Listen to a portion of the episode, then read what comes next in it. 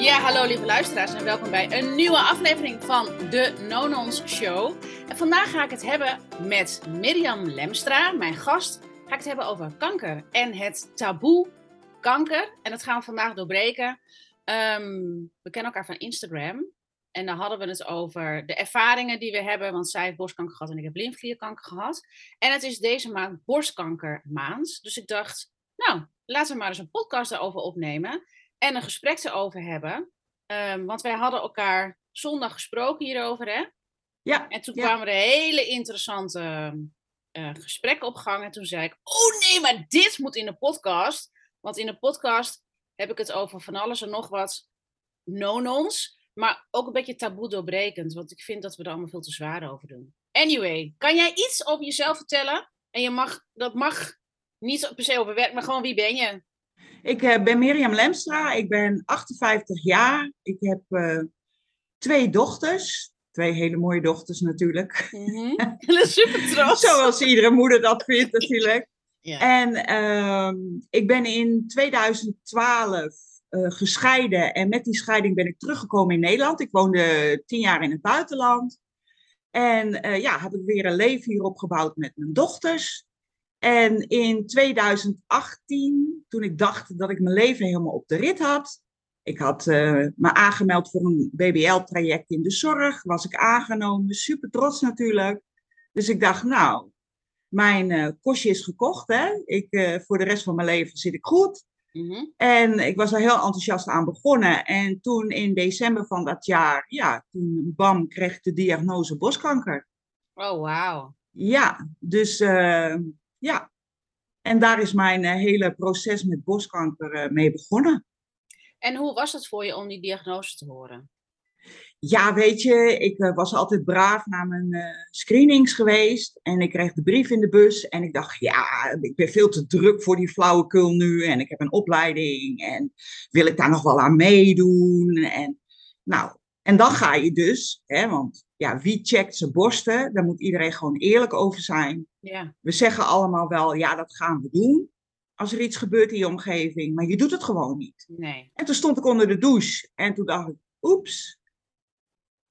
En ik heb nog die ehm, screening een week verzet. Want ik had eh, een toets en weet ik het allemaal niet. En ja, Mhm. toen ik eh, het voelde, wist ik het.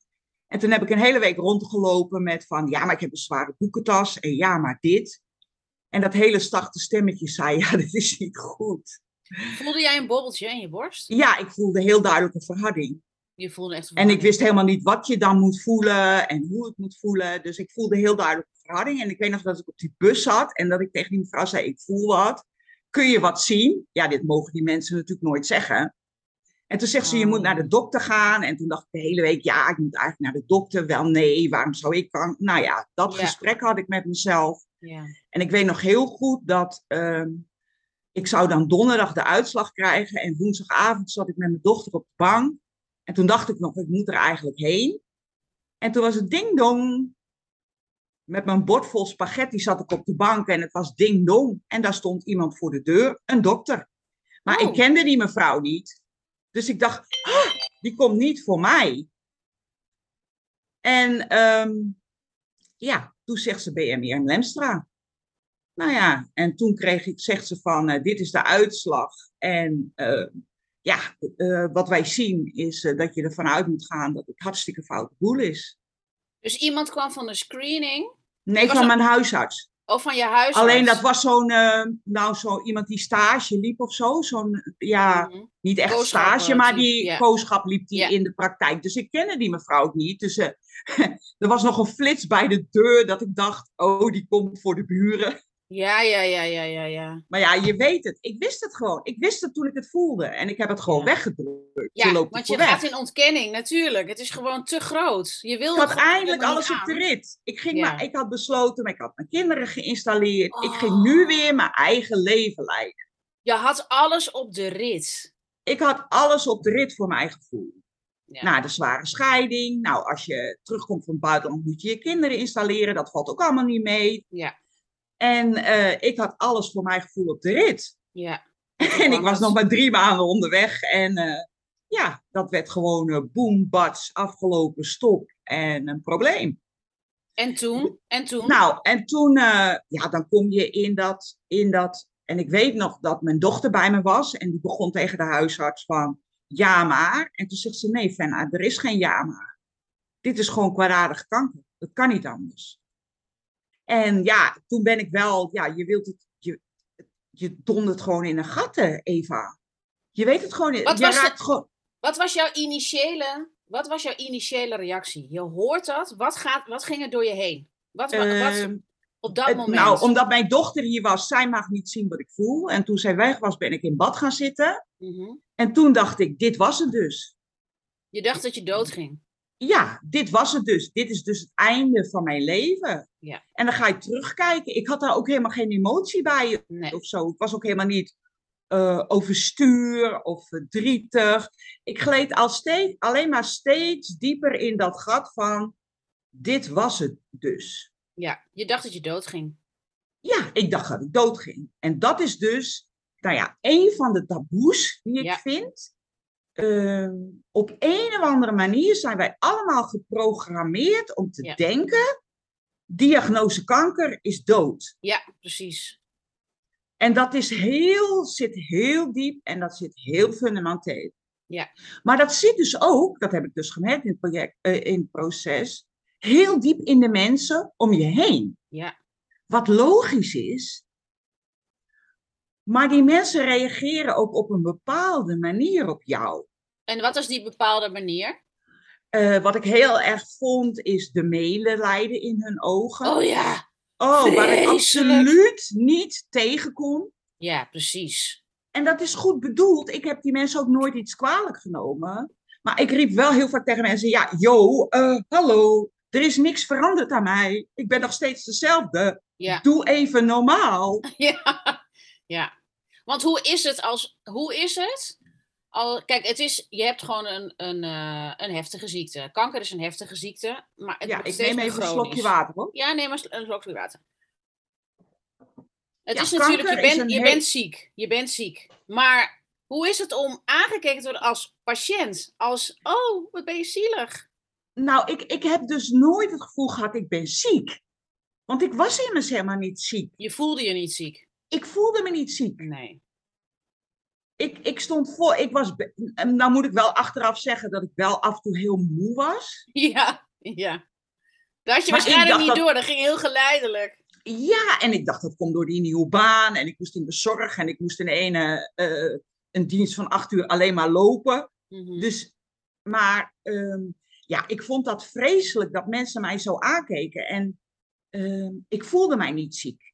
Ja. Ik werd op een gegeven moment ziek gemaakt door de chemo's. Ja, Maar ik vond het vreselijk dat mensen ehm, ook, ook opmerkingen die ik gekregen heb, weet je wel. Iemand zei ook een keer tegen mij, nou, jij eh, ziet er gelukkig nog goed uit, want die Oh, ja. en die heeft de dood al in zijn ogen. Ja, ik kan daar nu. Toen moest ik daar ook om. Ja, maar mensen weten niet hoe ze ermee om moeten gaan. dat is het precies. Mensen weten niet hoe ze ermee om moeten gaan. Dus als jij. Kijk, het is vreselijk. Ik, heb, ik herken dat ook hoor. Dat mensen. Mijn zus die zat in. Ik was in het ziekenhuis en dan ziet ze me voor het eerst. En dan binnen drie dagen bij kankerpatiënt. En dat ze dan. Ik ook tegen haar: Hallo, hier staat geen. Er staat hier niet een woord op patiënt. En ik heb opeens geen kracht meer. Of ik ben geen mens meer. Het werd Ja. ontmenselijk. Dus zo voelde het Ja. voor mij. Ja, ja. Maar hoe, hoe kunnen mensen dan doen? Wat had jij Nou, fijn gevonden? Mensen die dicht bij mij stonden vroegen, vroegen op dat moment ook heel vaak van. Ja, maar wat wil je dan dat ik voor je doe? Of wat wil je dan dat ik zeg? Of wat Ja. wil je... En dan dacht ik, ja, helemaal niks. Doe gewoon zoals we altijd deden. Ja, En, ga, en, en, en bekijk mij niet anders. Kijk, kijk naar mij als iemand die hele zware kuren krijgt en daar Mhm. doorheen gaat. Maar laten we nog lachen om hetzelfde. En laten Ja. we nog. Alleen, ja, nu achteraf denk ik, voor die mensen is dat ook zo ingrijpend geweest. ja, Ik heb een hele goede vriend gehad, die heb ik nooit gezien. En die is daarna, is die huilend bij mij gekomen en heeft die Mhm. gezegd, ik was zo bang dat je doodging ja, dat ik kon het gewoon niet aan om naar je toe te gaan. ja, En dat, dat heeft mij heel goed gedaan. Dat voelde gewoon heel goed dat hij dat deed. Dat hij Dat dat, hij gewoon eerlijk, ja, dat hij dus vertelt. dat hij dat gewoon eerlijk heeft eh, eh, bekend. Ja. En ehm, nou ja, in het verlengde daarvan is dat ik, uh, hè, je hebt dan het proces daarna en ik heb dan allemaal dingen. En dit jaar ben ik eens dingen op gaan zoeken. Mhm. En toen kwam ik op een uh, rapport van de Nederlandse Vereniging van Kankerpatiëntenorganisaties. Nou, heel woord. En die hadden een onderzoek gedaan hoe het eigenlijk met kankerpatiënten gaat na langere tijd. Mhm. En dan blijkt dus dat het merendeel van de ondervraagden dus gewoon dagelijks worstelt ja. met uh, uh, angst, piekeren, mm -hmm. slapeloosheid, uh, nou, wat, wat, wat zorgen over de toekomst, mm -hmm. een draai niet meer kunnen vinden, de dingen die ze voorheen leuk vonden helemaal niet meer leuk vinden. Ja. ja. En dan denk ik van, maar daar hoor je niemand over. Nee. Want ook die omgeving is nu een beetje van, ja, maar je bent nu toch weer beter. Ja, en dan moet je maar eens in het reinen zien te komen met, oké, ik zou dood, want je kijkt de dood in je ogen, hè? Je, je weet, je beseft die sterfelijkheid en het doet iets met je. Toch? Ja, het doet zeker iets met je. Doodsangst is echt, daar ga je echt doorheen. Ik heb mezelf, want iemand zei ook, heb je een bucketlist? ja, oh, die had ik trouwens. Ik had wel een paar dat ik zeg: Oké, nu ga ik naar de toppers. Ik ging bijvoorbeeld naar de toppers toe. Dat heb ik nooit in mijn leven gedaan. Maar ik dacht: Ik ga naar de toppers. Ik ben twee, twee keer achter elkaar naar de toppers gegaan. Ik had zoiets van: Ik moet mijn leven leiden. Niet zo pieken in dat hoofd zitten en allemaal moeilijk doen. Leven, genieten. Dus uh, ik, ben toen naar de, ik ben helemaal geen type van de toppers. Ik vond het wel echt top. Nou, dat had ik dan niet. Want ik had dan wel van: Kan ik mijn kinderen uh, uh, achterlaten? Ja zijn mijn kinderen klaar om, om mij los te laten. Ja. Niet over, het ging helemaal niet over mij. Nee, nee. En dat heb ik ook heel erg gemerkt in dat proces. Want, um, nou ja, dat is toen mijn haar uitviel. Ik dacht, nou, dat is the least of my worries. Die ja, op. inderdaad. Ik zag gisteren vriend... je post daarover. Mooie ja. post. En, en, een vriendin had gezegd, laat me nou, voordat het uitvalt, even je haar eraf knippen. Nee, belachelijk dat haar, nou, dat, dat, dat ging er wel af. Heb je, er niet, uh, heb je het afgeschoren? Nee, ik heb het, dus ik had echt, Eva, toen het uit ging vallen, ik had de plukken in mijn hand. En op dat moment was ik net mijn oudste dochter aan het verhuizen. Dus ik heb ook nog een filmpje dat ik daarin die woon. Maar voor die kinderen is dat zo traumatisch geweest. Ja, dat is heel heftig. Nou, en toen waren we thuis en toen zei ik, knip het er maar af, jongens. Nou, maar dat lukte natuurlijk niet. Dus ik ben in bad gaan zitten. Ik dacht, nou, ik spoel het er even af. Oh. En toen zat ik zelf helemaal onder de haren. En toen heb ik een hele grote paniekaanval gehad. Toen heb ik staan gillen in bad. Waarom, weet ik eigenlijk niet. Hmm. En toen was mijn jongste dochter, die heeft zo staan schreeuwen tegen mij. Hmm. Van, doe normaal, doe normaal. Ja. En toen heb ik gedacht, want toen ben ik ook op slot gegaan. Toen heb ik gedacht van, zij mogen nooit zien waar ik doorheen ga. Ja. Want dat wil ik ze nooit aandoen. Ja. Zij moeten hun leven kunnen blijven leven. Want niemand weet of ik doodga en niemand weet of ik blijf leven. Was dat de diagnose? Was wat dat zeg je? Was de diagnose, het is behandelbaar, maar we weten niet of je gaat leven? Jawel, maar dat is in jezelf. Mijn diagnose was uh, een tumor van 3,5 centimeter, zeer mhm. kwaadaardig. Mm Maar ik had dus geen uitzaaiing in de lymfeklieren. Dus de diagnose was dat het heel goed behandelbaar was. Oké, ja, dus dat heb je gehoord. Goed behandelbaar? Ja, maar dat, dat, is, dat is op een of andere manier. Oh, dat kwam niet bij je binnen of zo? Nou, jawel, maar um, ik had ook zoiets, binnen de vijf jaar krijg je zoveel procenten terug. Dus waarom ja. zit, nou ik niet in die groep zitten? Ja. Het is ook iets wat moet gaan shiften in je hoofd. Ja, hè? ja, ja, ja. ja. ja. En um, dus op een gegeven moment, dat denk ik dat ook veel mensen met kanker dat doen. Zij zien de paniek bij de omgeving. Hmm. En zij gaan dus zorgen voor de omgeving. Ja. Ja, wel dan eigenlijk hoe ik het nou ja, ik, wat ik heb gedaan is, ik heb echt gedacht, dat is mijn manier. Ik kom er steeds meer achter. Ook het ook met hechtingstijl te maken Maar goed, anyway. Ik heb gedaan, oké, wat mijn diagnose was. Uh, kwaadaardige tumor, het is behandelbaar. Zeer uh, uitzonderlijk, want het was dus lymfeklierkanker. En toen zei ik als eerste, wat moet ik doen? wat moet ik doen? Want ik dacht, nou ja, we gaan dit fixen, weet je? En ik heb echt eigenlijk niemand toegelaten. Ik zou ook van, iedereen gaat gewoon doorleven. Ik heb geen zin in deze poespas. Als in zielen gevonden worden. Maar dat is ook een manier om hiermee om te gaan. Hè? Want het is gewoon niet te ervaren bijna om echt te beseffen dat je dood kan gaan. Ja, ik ging niet dood. Jij ging ook niet dood. Maar je gaat daar wel doorheen. Ja, en ook denk ik, uh, en, en, en ook, dus ook al krijg je de opmerking, het is behandelbaar, je hebt die doodsangst. Ja, precies. En uh, door dat taboe wat er op rust, ook in de samenleving, want de samenleving krijgt daar ook zo naar. Van kanker is een doodvonnis. Ja, kanker is een Terwijl door de goede, er zijn steeds betere behandelingen. Dus steeds meer mensen overleven het, als het ware. Hè? Die blijven leven daarna. Ja. Ja. Maar ook steeds meer mensen krijgen de diagnose. En dat is mijn ding nu ook, dat ik denk van jongens, hallo, kunnen we het daar eens over hebben? Je geluid gaat nu trouwens anders. Ik weet niet of je iets anders doet. Nee. Oké. Okay. Er vliegt de straaljager over. Oh, nee, maar het is, het is, het, is je, het is je stem. Nou, anyway, maakt niet uit. Um, ja, want dat is wat mensen natuurlijk niet meekrijgen. Dat in de jaren zeventig, en ook mijn oma bijvoorbeeld had de kanker. Nou, die had, die had echt super zware kuren. En nu wordt het meer aangepast, nog steeds verschrikkelijk wat er allemaal gebeurt met je lichaam en met alles.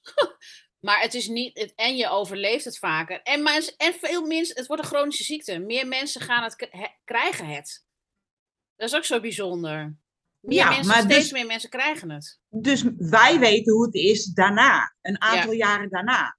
Ja. Want als je, uh, nou dan heb je je behandelingen gehad, dan ga je naar de revalidatie. Ik heb je een revalidatie gehad? Ja, drie maanden. Wat, was, wat hield dat in dan, die revalidatie? Uh, die revalidatie was uh, bij het revalidatiecentrum, kregen we dus echt sport.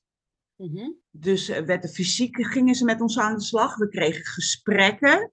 Oh. En dan geen zware gesprekken, maar over van hoe je lichaam nu in elkaar zit. Wat je met werk kan doen. Er werden allerlei thema's behandeld. Mm -hmm. En je kon dan ook nog kiezen of je naar de diëtiste ging of de psycholoog. Nou, ik heb toen voor de psycholoog gekozen, mhm. want helemaal hilarisch. Ik durfde niet meer op een fiets te stappen. Oh.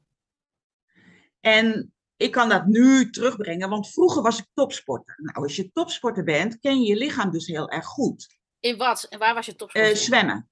Oh, je was een uh, zwemster. Ja, oh, maar dan ben je dus heel bewust van je lichaam. En dan moet je je voorstellen, krijg je al die chemo's en zo. Ik heb ook een beetje neuropathie. Dan mhm. sta je dus in ene niet meer stevig op je voeten. Ja, moet je even uitleggen, niet iedereen weet wat neuropathie is aan de luisteraars. Uh, neuropathie is dat je door de chemo eigenlijk de uiteinden van je zenuwen, dus in je vingers en in je uh, voeten, mhm. die gaan dood. Ja. Dus daar heb je dan, ja, je voelt gewoon minder in je voeten, maar je hebt ook constant, um, nou, ik heb ook koude voeten, mm koude uiteinden, maar je hebt ook constant tintelingen. Ja, zo, dat slapende gevoel, toch? Ja, een beetje slapende gevoel. En, bij de een, en je moet je voorstellen, ik heb een vriendin, die heb ik dan uh, van de, uh, via de chemo's ontmoet. Mm-hmm. Die heeft dat veel erger. Die, die kan dingen oppakken en het laten vallen.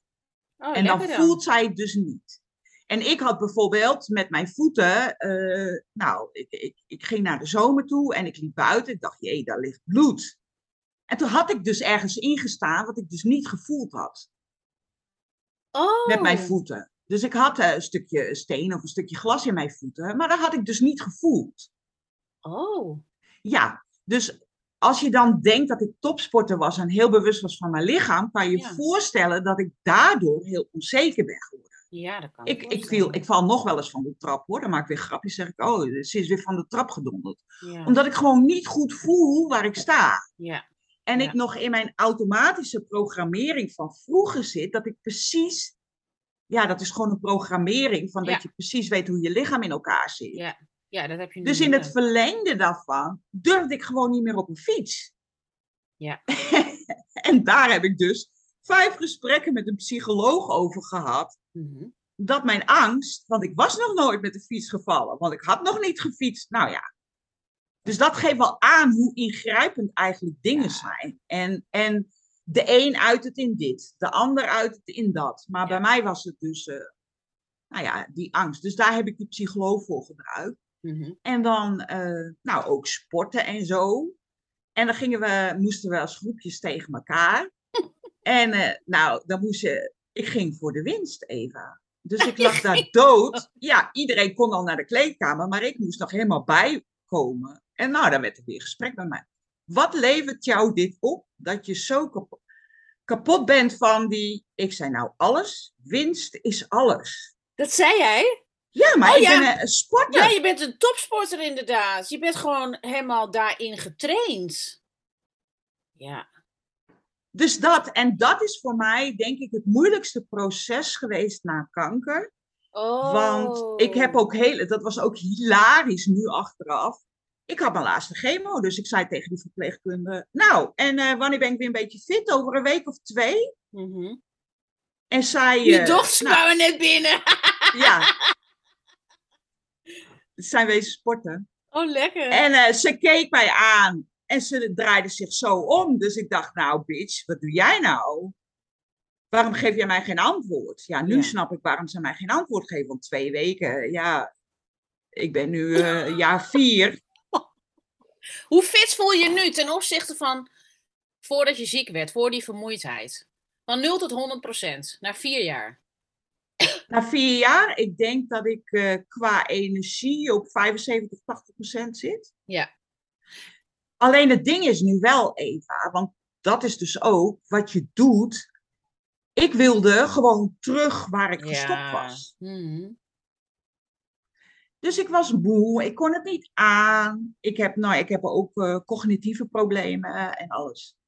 En, eh, Geheugenverlies? Want wat zijn de, eh, dat, dat mensen dat even weten. Dat is even belangrijk. Niet te snel eroverheen gaan. Dat mensen weten wat gebeurt er als je kanker hebt gehad door de chemokuren. Hè? is niet door kanker. Door chemokuren, waar je dan eigenlijk ook allemaal... Niet om het dramatisch te maken, maar wel om, om dit gewoon bespreekbaar nou, om te inzicht maken. te geven waar je mee struggelt. Ja, precies. Dus wat zijn die eh, cognitieve... eh, wat zijn, waar loop je nu met cognitief dan tegenaan? Geheugen? Cognitief is dat ik natuurlijk geheugen, maar dat is niet zo moeilijk, want daar kun je briefjes voor gebruiken. Ik, Ja. ik heb eh, honderdduizend briefjes. Ja. Dat, nog vergeet ik de briefjes en ik kan er ook grapjes over Ja. maken. Ja. Maar wat voor mij heel moeilijk is, en daar kan ik ook wel eh, eh, eh, soms nog wel emotioneel over worden, ik was een hele snelle denker. Mhm. En ik kon heel snel conclusie trekken over. En wat ik nu heel erg merk, is dat kan ik soms helemaal niet meer. En dan praten mensen tegen mij, dan willen zij daar bijvoorbeeld een oplossing of een mening of iets dergelijks. Mhm. En dan moet ik zeggen, ho, stop. Ja. Want dan duurt het gewoon soms vijf of tien minuten voordat het binnenkomt. Ja. Of het komt helemaal niet binnen en ze moet het herhalen. En Ja. dan moet ik het nog verwerken. Ja. Wat ook niet altijd lukt. Ja. Ja. Nou, en het ding is, tijdens de chemo's was ik niet misselijk. Ik, ik heb nog heel veel dingen gedaan, want ik heb nog mijn kinderen verhuisd. Ik eh, was uh, voor mezelf, want ik moest de hond uitlaten, ik moest boodschappen doen, ik moest opstaan, ik moest douchen, ik moest mijn eten maken, weet je wel. Dus Heb je, je hebt een Eh. beetje de topsport, je topsportprogramma heb je afgedraaid. afgedraaid. Want Ja. ik wist niet wat ik, ik wist niet, dit was iets wat ik, dit was iets wat ik nog nooit had gehad. Ja, dat en daar kon ik aan refereren. Ja.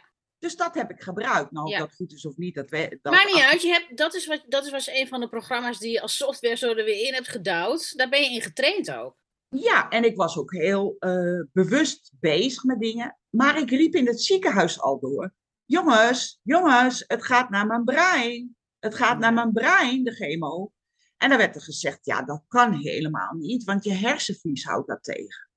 Wat Ja. was dat dan voor een onzin? Het gaat in Maar elke nu- cel. Nu, nu zijn er dus allerlei onderzoeken en zijn ze heel druk bezig.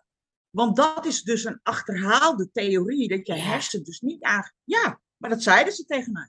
Ik had ook heel, ik had geen afte, maar ik kon gewoon, mijn tanden deden me zo zeer.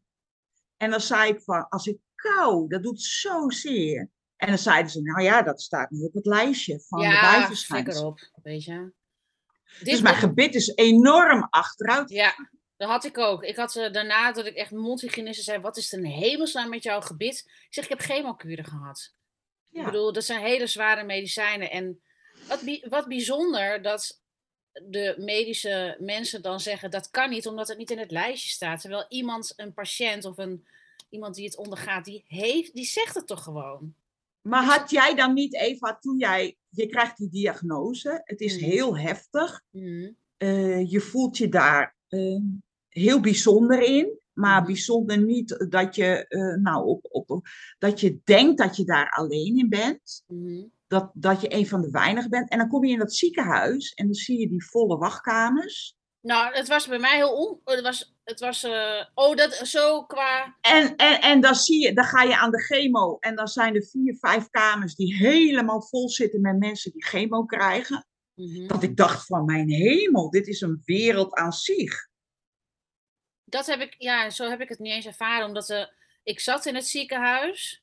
Toen ze het tegen mij vertelden. Ik moest een week in het ziekenhuis blijven. Ik had, Oh, een, ja. hele andere, ik had een hele andere... Het is, het is ook grappig dat... Als het Iedereen ervaart dat Iedereen anders. heeft het toch een hele andere ervaring. Ja, ik dacht, ze zeiden tegen mij, ja, we moeten biopsie doen en eh, je kan niet liggen. En misschien moeten we het aan de, dan via de voorkant, maar misschien kom je dan in coma. En ik dacht, wat de fuck? Wil je je eitjes invriezen? Wil je nog kinderen?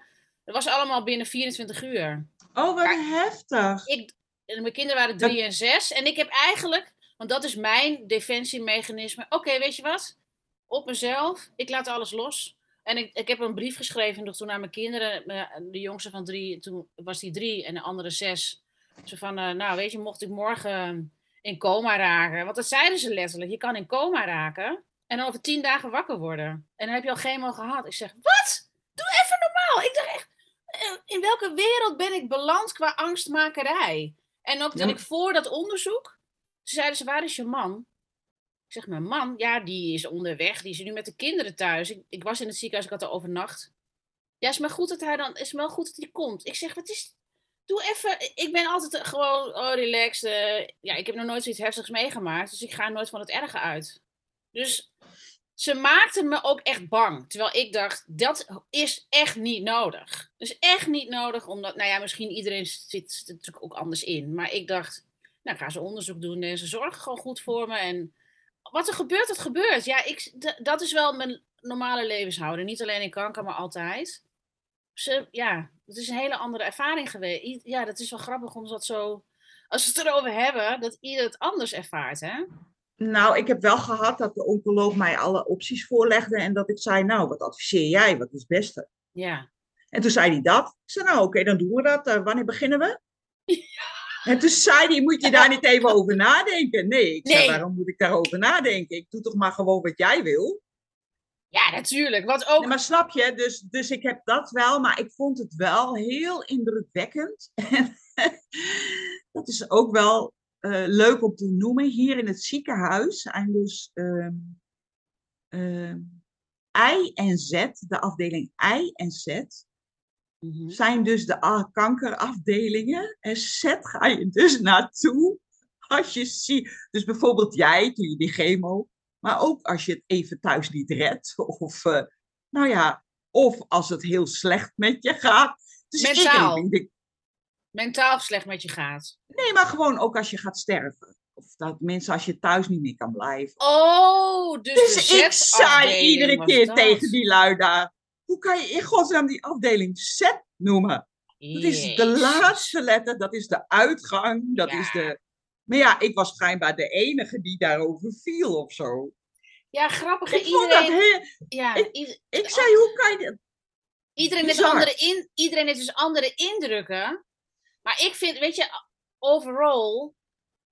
Ja, ik heb daar ook mee moeten dealen natuurlijk. Want ik heb het overleefd. En ik was toen 39, kind van drie, kind van zes. Ik had net een eigen praktijk, ruimte gehuurd. Ik moest echt een betekenis geven aan mijn leven. Ik, en ik heb, daar hebben we het ook over gehad. Ik weet niet hoe dat voor jou is geweest. Maar ik heb dus na de chemo's, tijdens de chemo's was het voor mij één grote spirituele toestand. Dat ik dacht, oké, ik ben helemaal in het reinen met het leven en met God en noem het allemaal op. Dat vond ik wel heel bijzonder. Ehm, maar daarna kwam ik echt in een gat. Omdat het leven doorgaat en ik dacht, waar is de betekenis van mijn leven nu? Ja, ik bedoel, mensen die over dingetjes hebben over, ah, wat ga je dan doen met je pensioen? Met mijn pensioen? Wie zegt dat ik dan nog leef? Weet je? Ik kon met heel veel gesprekken, vond ik echt onnozel. Omdat ik gewoon tegen zoiets aankwam, wat gewoon zo essentieel is. Hoe was het voor jou na de chemokuren? Want jij hebt, waar heb je, hebt chemo gehad? Heb je bestraling gehad? Ja, ik heb eh, eh, eerst chemo gehad. Toen Mhm. heb ik een operatie gehad. Toen heb ik bestraling gehad. En eh, daarna vijf jaar hormoonpillen. Ja. Waar jij nu ook mee bent gestopt. En daar ben ik nu mee gestopt, zonder overleg ook. En eh, ja, Maar- maar dat raad ik niemand aan. Maar, nee, nee, eh, nee. Je hebt het vier jaar mijn- geslikt. Je hebt, wel, je hebt het vier Drie jaar. jaar. Drie, Drie jaar. jaar. Ja. Dit is echt jaar. ook eigen keuze geweest van jou, hè? Ja, heel eigen keuze. En dat kan ik ook heel onderbouwen. Ehm, maar ehm, eh, ik kan dus de verantwoordelijkheid nu aan. Ik heb in Ja. het begin heel erg gehad van dat durf ik niet, want stel dat ik het terugkrijg. Ja. En de bijwerkingen, ja, ik was er zo klaar mee, Eva. En ehm, dus ik heb nu gewoon, daar heb ik heel lang over nagedacht en nu gezegd van die verantwoordelijkheid draag ik zelf. Ja. Dat moet ik aankunnen mentaal als ik het terugkrijg, dat ik eh, eh, nou niet ga denken, had ik die pillen maar geslikt. En dat ga ik nu niet meer. Nee. Hoe was het dan voor jou na al deze... Nou ja, die hormonen... Nou, na deze dingen, en dat is, ja, ik, ik vind eigenlijk dat ik klap op klap heb gehad. Dus ik was lekker, ik had alles op de rit. Mhm. Maar ik had daar een jaarcontract. En gedurende dat jaar ging ik er vaak heen en ze waren lief en ik kreeg bloemen. En nou, zij hebben mij, misschien heb ik dat verkeerd opgepikt, de indruk gegeven dat ik gewoon mocht blijven. Mhm. En toen was dat jaar af en eh, toen had ik een gesprek en toen zeiden ze van dat hebben wij nooit tegen jou gezegd en daar is het gat van de deur. Dus dat was voor mij een nieuwe enorme klap. Ja. Hè, dat je, je, je, je krijgt niet alleen kanker, maar je wordt ook nog eens eh, eruit geboucheerd. Nou, toen ben ik bij het UWV gekomen en toen heb ik een traject gekregen bij Stap Nu. Dat is een organisatie die mensen eh, begeleidt. En ehm, ja, daar heb ik wel een heel mooi traject gehad, want toen ging het eigenlijk over wat wil, wat wil jij het liefste met je leven doen? Mhm. Nou, Eva, ik heb, zo, ik heb daar gekeken van, ja, wat wil ik eigenlijk doen? Ja. En toen kwam ik erachter dat in mijn hele leven eigenlijk niemand mij die vragen ooit gesteld had. Wat Oh, wil. Mirjam? Wat wil Snap je? Dus ik ben door een heel lang proces gegaan. Mhm. En eh, nou, dat is geëindigd. En toen had ik weer een keuring bij de UWV. Ik was onderhand met de opleiding die ik nu doe gestart. Holistisch energetisch therapeut. Mhm. En ik ging daar heel enthousiast heen. En ik zei, eh, luister, ik heb deze, deze, deze bijwerkingen. Mhm. Mijn late gevolgen. Ehm, ik doe deze opleiding. Het is een HBO-opleiding. En eigenlijk wil ik graag weer terug in de maatschappij. Maar dan voor mezelf gaan werken. Zodat ik Mhm. eh, mijn eigen tijd kan indelen. Mijn eigen tempo kan indelen. Mijn eigen... En dan kan ik heel goed functioneren. Precies. Met alle bijwerkingen die ik heb. Ja, precies. Nou, de goede man wist eigenlijk niks van bijwerkingen van chemo, de arts. Hè? Mhm. Die was net aangenomen daar. Die zei, ja, eh, spirituele opleiding, HBO, eh, wat doe je daar dan? En bla bla bla. En ik moest dus, nou, bij wijze van spreken over een lijntje lopen, drie kniebuigingen doen. En eh, ga je nog wel eens bij iemand op de koffie? Ja. Hoe ga je daarheen op de fiets? Ja. Doe je je eigen huishouden? Ja. En toen kreeg ik twee weken later een telefoontje van het UWV. Wij vinden dat jij wel geschikt bent om acht, eh, zes uur per dag te werken op een callcenter. En dan kun je je oude salaris wel terugverdienen. Want Dat zie, ik begon natuurlijk met een, niet. ja, ik begon met een studentensalarisje. Dus daar keken zij naar. Nou, dat kan ze op een callcenter wel terugverdienen. Dus, en toen zei die man, ben je ermee akkoord? En ik kon niks zeggen, Eva. Ik was zo fucking woest weer. Hè? Want de boosheid hebben we het ook over gehad. Ja. Ik was zo kwaad. Ik heb hier staan schreeuwen, echt zo, tegen de maatschappij eigenlijk. Zoek het maar uit met je zoontje. Waar Ik was ga- je boos over, Mirjam? Waar was je Dat ik boos over? weer afgeserveerd werd. Je werd Ik afgeserveerd. kwam daar met hele goede intenties. Ik wil Ja. mijn eigen geld gaan verdienen. Ik wil Ja. nergens afhankelijk van zijn. Ja. Maar dit is voor mij de oplossing. Ja. En dat Daar ik wordt dus gewoon... niet naar geluisterd, je wordt niet gehoord en niet Nee, je wordt teruggeduwd in het systeem. Want ik kan wel op een callcenter en dan kan ik 1000 euro per maand verdienen. Want met dat salaris werd ik ziek. Dus dat moet ik terugverdienen. En dan word je dus gewoon goedgekeurd. En Jij mijn werd weer vriend- goedgekeurd? Ik ben volledig goedgekeurd. Dus Maar, mentaal, maar mentaal was je toch nog niet. Ik bedoel, Nee, maar ja, ze keuren me volledig goed. Ik kan wel aan het werk. Dus het, het gevolg daarvan ook is, want ik zei, ik wil graag met het opstarten van een bedrijf of iets dergelijks hulp van jullie. Ja. Nou, als je goedgekeurd wordt, kom je nergens voor een aanmerking. Dus is er geen instantie die jou helpt, of je moet het allemaal zelf betalen. En dit is dus ook iets wat mensen niet weten, hè? Dus ik heb niet alleen kanker gekregen, ik ben mijn baan kwijtgeraakt en vervolgens voel ik het alsof ik door de maatschappij, dus ook gewoon. En toen zei die man, en als je niet genoeg geld hebt, ga je maar naar de bijstand. ja, even dat zinnetje afmaken. Dus dan voel ik me alsof de maatschappij wat? Mij weer afserveert. Ja. Dus met kanker word je op een bepaalde manier bekeken. Je bent toch wel, oeh, het is wel allemaal heel eng. Mensen durven Eng. bij zichzelf niet naar het proces te gaan. Ja. Dus die, ehm, bij kanker zeiden mensen ook, als ik zei, ik zit erdoor, heb ik ook wel gehad, eh, positief blijven hoor, positief denken. Er zijn dus nog mensen die denken dat je door positief denken je kanker kwijt kan maken. Oh, alsjeblieft. Nee, ja, nee, en, nog even een dingetje ook. Iemand op Facebook, want ik was heel druk bezig met gezond eten om mijn lichaam sterk te maken. Niet om de kanker weg te halen. En toen had iemand zoiets van, maar waarom doe jij chemo's? Je moet gewoon heel veel wortelsap en zo drinken. En toen dacht ik echt, dikke middelvinger. Jij bent niet helemaal goed bij je hoofd. Ik bedoel, dit is gewoon dankzij de chemo leef ik. En het is ook belangrijk dat je natuurlijk dat je preventief, dat je zorgt dat je lichaam allemaal in orde is en de juiste voedingsstoffen en niet, nou ja, een hele rattaplan.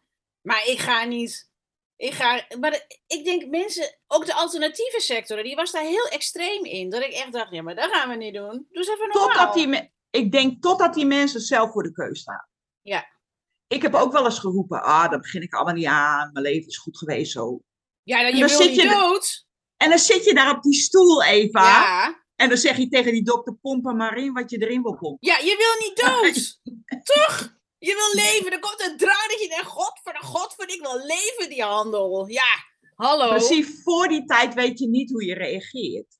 Nee. En kijk, ik weet nu, of tenminste, ik denk het te weten, dat mensen die ehm, aan de buitenkant staan van de kankerdiagnose, houden zelf vast dat je de controle over hebt.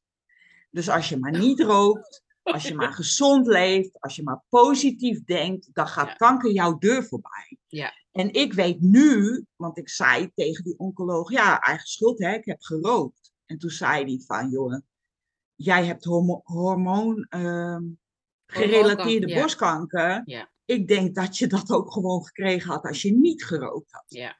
Ja. Snap je? Dus, dus, maar het idee van de buitenkant, ja, maar als ik zo leef, dan krijg ik het niet. En oh, kijk, zij heeft gerookt. Ja, geen wonder dat ze het krijgt. Ja.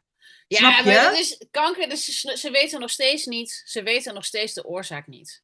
Nee. Ze weten nog steeds niet wat de, er zijn zoveel verschillende oorzaken. Kijk, bij burn-out, daarom heb ik ook altijd afgehouden van mensen begeleiden bij kanker. Omdat bij burn-out kan je zeggen, dit is de oorzaak. Dit is de oorzaak van een burn-out. Dat kan je gewoon aanwijzen, dat is heel praktisch. Maar bij kanker is het niet. Nou ja, als je dat gewoon niet meer denkt of dat niet meer doet, het is zoveel verschillende dingen, zoveel verschillende. Ik ben er ook nooit ingegaan wat de oorzaak is, maar wel wat het mij heeft gebracht. Dus waar heeft het mij in, waar heeft het mij in uitgenodigd? Dus ik ben heel, nou, daarvoor was ik al bezig met persoonlijke ontwikkeling, maar daarna helemaal. Want anders zat er gewoon geen nut meer voor mij in. Dan dacht ik, ja, oké, dit is dus mijn leven. Hmm. Dus ik Nou, en was- dat is dus ook, als, als, daar kom ik dan op terug als ik zeg, al die, hè, als je het over dat rapport hebt, al die mensen die zorgen hebben, angst, Ja. piekeren, al die mensen zijn waarschijnlijk weer teruggegaan in het systeem. Hmm. Dus die zijn eh, eh, ziek geworden, hebben eigenlijk een pauze gehad en zijn weer verder gegaan waar ze gebleven waren. Oh man. En ik merk nu wel aan mezelf, want ik heb het geprobeerd op een callcenter, zo dwars ben ik dan ook wel weer. Eh, en ik merk nu, nu ben ik met mijn eigen dingen bezig. Ik heb besloten, ik ga het doen op mijn manier. Ja. Jullie zoeken het allemaal maar uit met je zootje. en ik, ik, van de week dacht ik van, joh, eh, ik voel me eigenlijk helemaal niet meer zo moe. Nee. Want ik bepaal zelf mijn ritme. Ik heb nu de podcast met jou. Als ik energie heb, ga ik wat doen straks. Als ik geen energie heb, ga ik. Ik hoef niet in het ritme van de ander. Ja. En Maar dan dit- kan ik. Maar dit, ik hoef niet in het ritme van de ander. Dit is één. Dit zijn hele essentiële dingen. Hoe je denkt over dingen. Want dat heb ik zelf ook en ik hoor meerdere mensen. Ik wil zelf kunnen bepalen. Dus er is ergens in jouw systeem een programma geweest. waarin er gezegd is tegen jou wat jij hebt opgenomen als. ik mag het niet allemaal zelf bepalen. Ja, tuurlijk is dat er geweest. Tuurlijk. Ja, maar dat is niet dat zo tuurlijk, hè? Dat is niet zo tuurlijk, want niet iedereen heeft dat. Daarom benoem ik het. Niet iedereen heeft Oké, dit. oké, oké. Oh ja. Dit, het is zo voor jou zo normaal. Maar Het niet is voor iedereen. mij heel normaal. ja. Ja. dit heeft niet iedereen. Dat je gewoon. Hè, er, zijn zo, er zat mensen die zeggen: Ik bepaal gewoon mijn dag. En het, dat, was er niet, dat hebben ze niet van hun ouders meegekregen. Dat ze zich zo moesten aanpassen. Nee, oké, want ik heb mij wel, dat is ook wel een onderdeel van het pad wat ik nu loop. Hè. Jij zegt, ik heb een hele eh, religieuze Ja. God-ervaring gehad. Ehm, ik, heb, ik shift het eh, heel erg naar mezelf. Het is Ja. heel erg een proces in mijzelf. En waar sta ik in het leven? Mhm. Waar geloof ik in? Eh, wat wil ik doen? Eh, zonder dat de wereld of de buitenwereld mij beïnvloedt. Ja. En het is grappig, want ik heb van de week eh, had ik een foto gedeeld van mij. Ik kan het misschien nog wel een keer op mijn Instagram zetten. eh, op school. En ik liet die foto aan die kinderen zien, mijn kinderen zien. En toen zeiden ze: Het lijkt of je daar stoned bent, mama. Oh ja, die foto van de, toen je klein was. En toen zei ik: Ja, maar toen ik klein was, keek ik heel anders tegen de wereld. Mhm, Heel spiritueel. mhm. Eigenlijk wat ik nu ook weer doe. Ja, Waar ik nu ook mee bezig ben. Alleen, ik heb mij aangepast. ja. Want door zo te zijn als kind, ik werd gepest en ik werd eh, zo, weet je wel. Dus ik ben mij aan gaan passen. Ja. In alles wat ik deed, omdat ik, nou ja, waarom? Joost mag het weten, maar omdat ik het systeem. Ja. En kijk, die, die eh, eh, kanker krijgen en je baan verliezen. En ook door het UWV gewoon een, een, een, weer in die eh, patiënten. En die, Ja, die, ja, weet je wel, ja. dat, dat, en dan ga je maar in de bijstand. En dat zijn wel allemaal voor mij, eh, nu achteraf gezien, door mijn boosheid, de drijf geweest om nu echt te gaan doen wat ik wil. Ja, absoluut. Oh, wat goed. En ik, ja, ik voel me nu gelukkig, jongen. Ja, ja, zeker. Ja. Ja, en het is natuurlijk, dat is dus de transform. Voor mij is dit de transformatie van Ja. kanker. Want je kan niet, je, je kan niet, je kan niet terug naar het oude. Het kan gewoon haast Nee, niet. maar je bent veranderd. Je kan niet, al- als Kan je niet. zoiets meemaakt, Nee. kan het niet anders zijn dan dat je verandert. En al die mensen die denken dat ze gewoon op de oude voet verder kunnen, ik denk dat die ook, hè, want dat, dat had ik ook. Ik zat de hele tijd te roepen, ik ben zo moe, ik kan Ja, het niet. Wacht ja. even jongens, ik moet even gaan liggen. Ja, Eh, jullie moeten waar rekening houden, want ik, dat kan ik niet. En dan moest ik van tevoren al denken, als ik dat doe, kan ik dat niet doen. ja, En nu doe ik mijn ding, Eva, en ik neem rust wanneer ik wil. En, Ja. en, en in ene denk ik, wat heb ik een energie? ja, ja, ja, ja. Omdat je dus, je, je, je, je, heet het? Je, ja, dit is wat ik altijd noem, je bent gewoon weer in contact met je eigen kern. En dan komt er Ja. tomeloos, dan komt er gewoon weer energie vrij in plaats van, oh, ergens de programmering, ik moet het doen op die manier, want dan, en daar word je al moe van. Dat is al Ja, de- daar, was ik, daar werd ik heel moe van. Maar goed, als je daarin zit, zie je dat. Nee, nee, nee, precies. dan daar ben ga je dus ook- En dan ga je dus ook omdat het niet lukt, omdat je niet meer mee kan komen, omdat je die, die nou ja, late gevolgen noemen ze dat, hè. Dan raak je steeds meer gefrustreerd. Ja, ja, En dan Ja. ga je piekeren. Hoe moet ik mijn geld verdienen? Ja. Hoe moet ik dit? Ja. Hoe komt dat? Ik wil niet, nou ja, voor mij is dat dan heel belangrijk. Ik wil niet in de bijstand. ja, Oh, ik kan niet meer met al die mensen meedoen. ja, ja. Ja, want dan ga je je telkens meten aan wat wij denken hoe het hoort. Ja, Dat systeem. Het grappige is, daar ben jij waarschijnlijk nog van aan het losweken. Want op, over een paar jaar dan denk je dat systeem, oh ja, ja, dat was toen zo.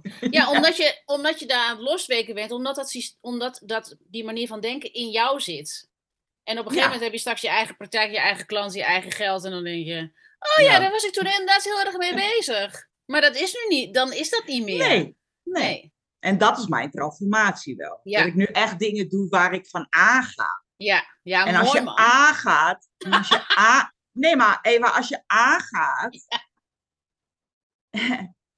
eh, dan maakt het niet uit wat voor klachten jij hebt. Nee. Want dan hoef je, dan, dat is dan ook met mijn cognitieve problemen. Ik ga aan, dus die zijn er niet. Nee, Of zo. Die zijn er dan wel, maar maar ik minder... hoef niet bewust, dan zeg ik, oh wacht even jongens, even terugkomen bij mezelf. Of even, Ja, precies. nergens, ja, op een of andere manier lost zich dat allemaal vanzelf op. Ja, want je haalt ergens energie uit en je accept, het is niet accepteren, maar het doet er niet toe, want je zit niet zelf te veroordelen op, oh, het lukt, dit, dit lukt dus weer niet. Het is gewoon, oh, ik heb energie. Het is een hele andere, je zit in een andere, je komt in een andere, of het nou bewustzijn is of, of Ja. vibe, weet je, je komt in een andere energie. Ja, inderdaad. En kijk, dat hele proces daar naartoe, want ik zit natuurlijk nu in jaar vier, is best wel een moeizaam proces geweest. Hmm, Want je gaat terug naar het oude, je moet, weer, je moet wennen aan je nieuwe zelf, zeg ik dan. Ja, tuurlijk. En dat is een heel proces en dat is voor de buitenwereld niet altijd zichtbaar. Die zegt, nou, je leeft toch nog. En je, maar je Ja. Het, is, het is niet dat als jij eh, je revalidatie hebt gehad en je hebt je baan of je hebt een andere baan, dat het daarbij stopt. Nee, alsjeblieft. Was dat maar zo? Nee, maar we zijn mensen. Mensen zijn complexe wezens. En kijk, en dat, zei, dat was ook wat ik van de week tegen jou zei. Dan is het nu borstkankermaand, of het is kankermaand, of borstkankermaand. ja. En dan zie ik eh, filmpjes, of ik zie eh, eh, andere dingen. En wat wordt daar geïnterviewd? Altijd nabestaanden. Dus die persoon is Of dood. altijd mensen die bijna doodgaan. Ja, ja. Maar onze groep, of deze groep, of de Ja. groep waar ik het over heb, die Ja. na vier jaar soms best nog wel worstelt, daar heeft niemand het over. Nee, dat klopt. Ja, ik heb dus ook dat ik. Ik weet niet, ik heb, ik heb niet meer. Ik heb eigenlijk nooit in dat hele proces heb ik andere mensen opgezocht die kanker hadden. Er kwamen wel een aantal klanten die kanker hadden. Maar ik heb het ook nooit zelf opgezocht of erin verdiept. Of, want ik dacht, ja, mm, ik weet niet, het is ook maar denk ik mijn pad niet. Ik weet het niet. Maar wel dat daar bewustzijn opbrengen. En dat je daar ook een normaal gesprek over kan hebben. Ja. Tot slot, hè, want we zijn al bijna op het uur. Wat zou jij mensen aanraden? Stel iemand die zit in de situatie, die heeft kanker gehad, of tenminste die zit in die kanker, heeft die kankerbehandelingen gehad en die komt zichzelf tegen. Wat zou jij dan zeggen of aanraden of adviseren of weet ik veel eh, roepen?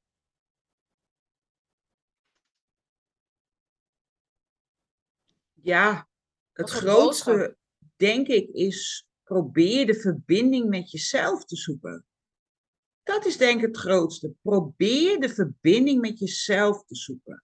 En hoe kunnen ze dat doen? Als je het heel kernachtig, hè, wat je nu eh, zegt. De verbinding met jezelf. En hoe Ja, iedere keer als je eh, ergens tegenaan loopt, gaan denken van, ehm, is dit een programmering? Is dit hoe ik vroeger dacht? Is Mhm. dit werkelijk hoe ik nu denk? Eh, is dit wat ik werkelijk nu voel? Ja, Eh, ik hoef niet voor die ander te zorgen Ja. als ik heel boos ben. Of als ik heel erg moet huilen. Of als ik super gefrustreerd ben, dan uit ik dat. Hè? mhm, Emoties uiten is ook heel belangrijk. ja. En op die manier proberen weer, weer eh, nou ja, de verbinding met jezelf, contact met jezelf. En te gaan bepalen waar sta ik nu eigenlijk.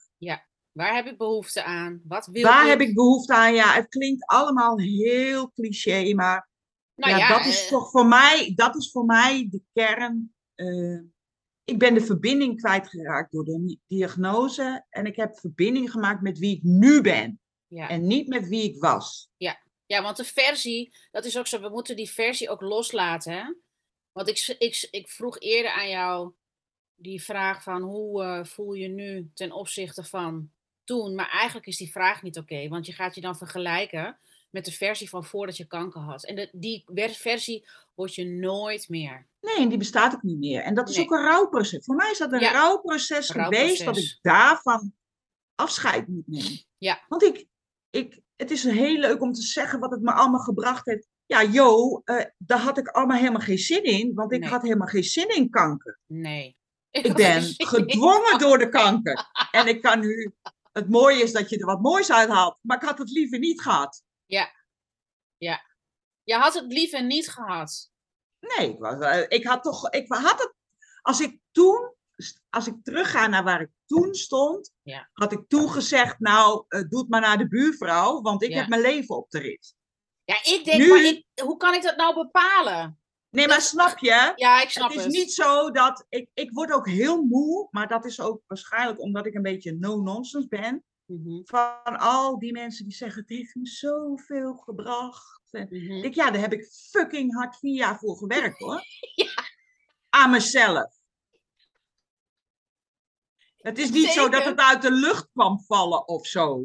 Nee. Dat ik een awakening had en dat ik ineens iemand anders was en dat ik daar niks voor heb hoeven doen. Ja, ik heb gejankt en ik heb geschreeuwd en ik ben boos Ja. geweest en ik, ik heb dingen moeten accepteren die ik niet wilde accepteren om te komen waar ik nu ben. Ja. Dat is, een, dat is het proces, hè? Dit Dat is de transformatie waar je het over Ja. hebt. Niet over, oh, dat was zo geweldig, ik heb de engelen gezien. En nou, toen, vanaf toen was het leven mooi. Nee, maar dat is, als mensen dat geloven, ja, sorry, ik wil niet veel zeggen, maar dan is het leven wel heel erg eh, simplistisch. Zo, zo simplistisch wel kan heel het toch benieuwd. Dan ben ik dus heel benieuwd naar die vraag, Eva. Of mensen dat geloven, of dat ze zien en inzien dat het proces zo lang is. Daar ben ik heel benieuwd naar. Want ik denk dat er heel veel mensen zijn die geloven dat je eh, een awakening krijgt omdat je de dood ontsnapt hebt. Nee joh, daar kies je je niet voor. Daar- nou ja, ik, kan, dat- ik weet niet hoe andere mensen denken. Ik weet alleen hoe ik zelf denk. Ik weet alleen dat toen ik hoorde dat ik kanker had en die nacht, in die nacht, toen heb ik een eenheidservaring gehad. Maar dat is niet dat ik dan denk, oh, en nou is halleluja in de... Het is eerder, oh, wacht eens even, hoe ga ik dan hiermee om? En hoe... Want niet alles kan altijd maar een eenheidservaring zijn. Dan ben je gewoon volgens mij in de hemel. Dan ben je gewoon... Dan ben je weer terug bij de bron dood. Dat is mijn overtuiging. nee, maar ik denk dat mensen in de buitenwereld dat denken. Maar Jezus, ik ben benieuwd, misschien is dat een, een, een ding van mij. Ik ben Ja. heel benieuwd. Ja. ik ben ook heel benieuwd of iemand die dit luistert daarop Ja. zou willen reageren. Ja, nou, we, we, gaan, we gaan het vragen. Als je dit luistert, en ik ga het ook eens distribueren. Ik, als je dit luistert, zijn we heel benieuwd naar je reacties. Je kan, Mirjam, Mirjam, wat is jouw Instagram-account? Weet je dat je hoofd? Dan ga ik even ondertussen zeggen, mijn Instagram-account is eva.visser.plaza. Daar kan je een reactie plaatsen of een vraag stellen of nou, delen wat je ervan vond. Eh, en Mirjam, heb je intussen jouw eh, eh, Instagram-account met punten en komma's? ze is van de postduiven, zegt ze telkens. Postduiven-generatie, hè, de briefjes schrijven die week onder nieuws. ja, goed. eh, hoe oud ben jij? 58, hè? 58 ben ik. 58, Ja. Ik ben lieve van mens. 1964. Lieve mensen, op 58-jarige leeftijd kan je dus ook zo erbij zitten. Dus het leven is echt niet over. Het is echt, maar je moet het wel zelf doen, hè? Mirjam? Je moet het helemaal zelf doen. Je moet het Je helemaal moet zelf het doen. echt helemaal zelf doen. En het is een zwaar proces, maar het is het zeker waard. Want zoals ik hier nu zit, Ja. voel ik, als ik denk aan 58, denk ik, nou, iedereen om mij heen gaat met pensioen. En ik denk, jongens, ik, we gaan nog lekker beginnen. ja, het leven is nog lang niet voorbij, joh. Het leven is nog lang niet voorbij. Mijn, mijn nieuwe leven begin, begint. Ja, precies. Wie En weet, er ligt van alles voor mij open. Ja. Kijk, dat is de spirit. Het is niet van, oh, we gaan naar, het is klaar. Het is gewoon, je zit midden in het leven. Kom op. Weet je, als je tot 80 jaar, dan heb je hoe lang nog? Of tot 90, hoe lang heb je dan nog? Ik weet, Eva, twee jaar terug dacht ik, en dat is een hele lange weg geweest, maar toen hoorde ik dat de, de nou ja, die meneer is nu opgepakt, geloof ik. De, eh, de zoon is opgepakt, maar de eigenaar van Jumbo, die meneer, heeft op 58-jarige leeftijd besloten Ja. dat hij een supermarkt begon. Nou, Oh we ja? weten- ja. En dat is dus de vader van de man die nu is opgepakt, denk ik. Maar de, die man heeft op 58... En daar heb ik mij aan vastgehouden. Toen ik dat las, dacht ik... Dit, deze man, niet wat Ja. hij doet, is mijn voorbeeld. Ik kan nu nog echt gewoon mijn bedrijf beginnen. Gewoon tuurlijk. op. Nee, maar snap je? Maar dat. Dus dat is mijn inspiratie wel geweest. Dat ik dacht, yes, dat kan ik ook. Mooi. En nu nog je Instagram-account en dan gaan we afronden. Ik vind dat je een hele moeilijke vraag stelt, Eva. Want waar vind ik dat? Maar de- gewoon naar je Instagram. Instellingen? Nou, ja, daar heet- staat Mir Mirjam Lemstra. Maar daar moet Oh. nog iets achter, toch? Nee, dat hoeft helemaal niet. Nou, zoek op Mirjam Lemstra. En dan eh, ga je haar vinden op Instagram. Ik zal het ook wel even in de show notes zetten. Ik ga het wel even kopiëren. Zet ik het in de show notes. De show notes, lieve mensen, als je niet weet wat dat is. Dat is een officieel woord voor de notities die bij Spotify of Apple staat altijd. Waar gaat deze aflevering over? En daar gaat het in staan. Mirjam, ik wil je hartelijk bedanken voor dit fijne en lekkere gesprek over iets wat zwaar en taboe is. Maar dat willen wij niet meer. Nee.